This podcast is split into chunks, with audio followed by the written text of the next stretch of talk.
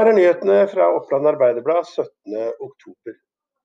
En mann i Gjøvik er eh, stadfestet smittet av koronaviruset. Det er foreløpig ukjent hvordan han er blitt smittet. Mannen som er i 50-årene er det fjerde smittetilfellet i Gjøvik de siste to døgnene. Og Smittesporingsteamet i Gjøvik jobbet lørdag ettermiddag med å finne ut hvordan mannen er blitt smittet av Eh, covid-19-viruset. Raufoss slo Sogndal 2-1 i Obos-ligaen lørdag.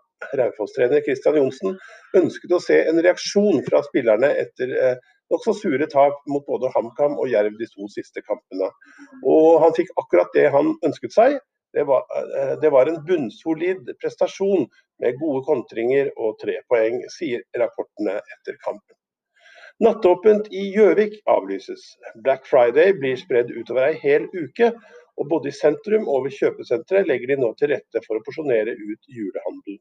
CC-sjef Vibeke Askevold og Anders Lån Rogne, lederen av Gjøvik handels- og næringsforening, sier de gjør dette for å redusere faren for å spre koronasmitte. De starter allerede nå med langåpent på torsdager. 22 år gamle Even Strandbråten Sørum fra Begnadalen i Valdres var høyrehånda til superkokken Christian André Pettersen under kokke-EM i Estland fredag. Og resultatet kunne ikke blitt bedre. 16 lag eh, fra like mange land deltok i konkurransen, og Norge gikk helt til topps. Evens far driver bedriften Valdresporten kro og motell på Nes i Ådal, midt mellom Oslo og Beitostølen. Og Det var der ungguttenes kokkeinteresse først ble vekket. Han flyttet tidlig til Oslo og gikk i lære hos Bent Stiansen, og tok fagbrev bare for to år siden.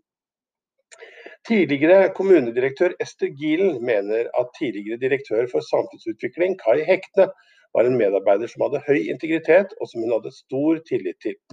Hekne sa nylig opp jobben eh, i Nordre Land, og eh, er etter Gilen den andre topplederen i eh, Nordre Land som har, har forsvunnet fra stillingene sine i løpet av et halvt år. Han mener at partsnøytrale saksbehandlere blir satt under press av politikerne i Nordre Land. Han mener det er uklare grenser mellom politikernes private roller og deres roller i formannskapet. Kritikken rammer i særlig grad ordfører Ola Tore Dokken, som ikke vil kommentere nærmere kritikken fra Hekne. En hadlending i 30-årene er dømt til 32 dagers fengsel. Hadlendingen hadde tre jobber samtidig, og svindlet dermed Nav for nesten 200 000 kroner i sosialstønad. I Gjøvik tingrett sa mannen at han ikke visste at han måtte oppgi inntekt i søknadsskjemaene. Han forklarte at han ikke fikk noen veiledning, og at han hadde fått beskjed fra et Nav-kurs at han sto fritt til å jobbe et par timer om kvelden. Dette var ikke tilstrekkelig for å bli frikjent, mente eh, tingrett, som eh, dømte mannen til fengsel. Dette var noen av de nyhetene du finner på Oppland Arbeiderblad nå i dag.